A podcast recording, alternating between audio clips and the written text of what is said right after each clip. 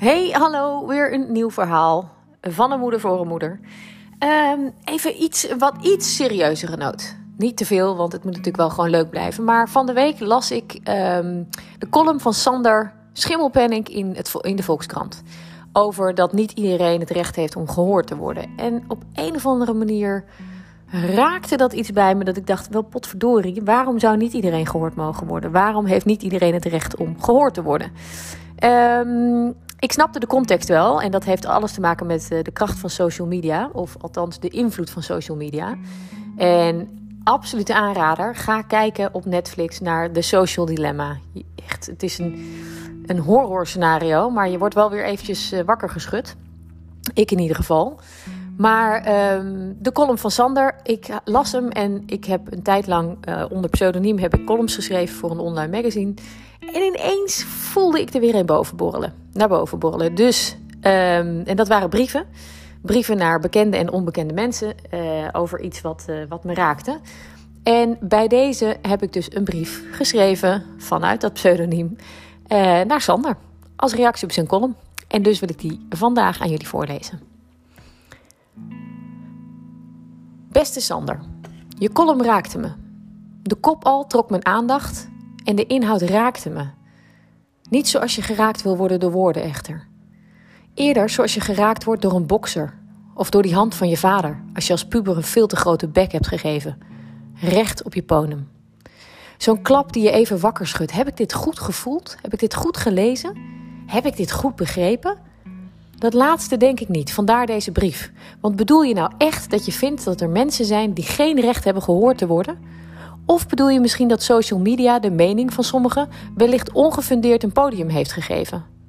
Sander, mag ik Sander zeggen? Je hoeft geen architect te zijn om te weten dat een podium zonder fundament geen lang leven beschoren is.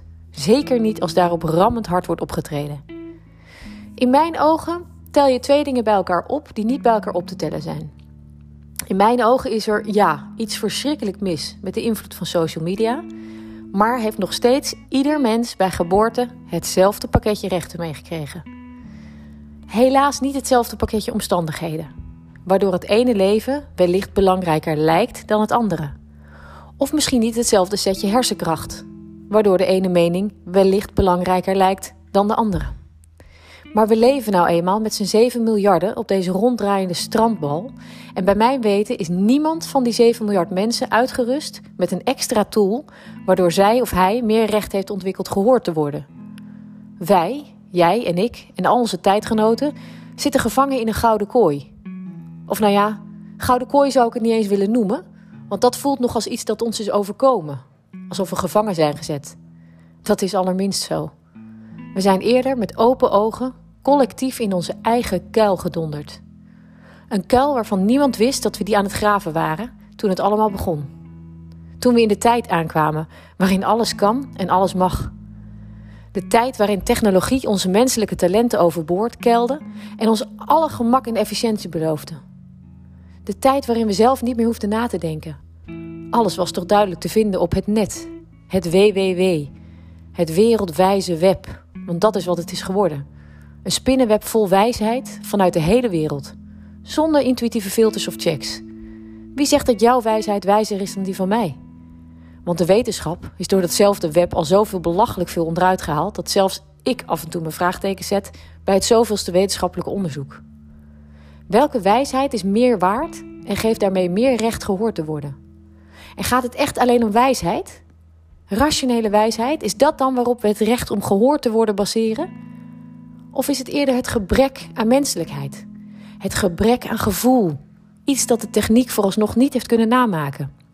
Want weet je, op de dag dat je geboren werd, kreeg je niet alleen een mooi pakketje mensenrechten mee, die helaas wereldwijd nog veel te vaak geschonden worden, maar werd er ook een pakketje sensitiviteit in je donder gestrooid, waarmee je goed beslagen ten ijs zou komen als je brein het even niet kon redden in zijn eentje. Een setje zintuigen, waarmee je de waarheid van leugen zou kunnen onderscheiden en waarin je de onuitgesproken woorden van de spreker zou kunnen lezen. Een potje gezond verstand, zou Dennis Storm zeggen. Het verstand dat niet alleen gevoed wordt door de ratio, maar ook door alles eromheen.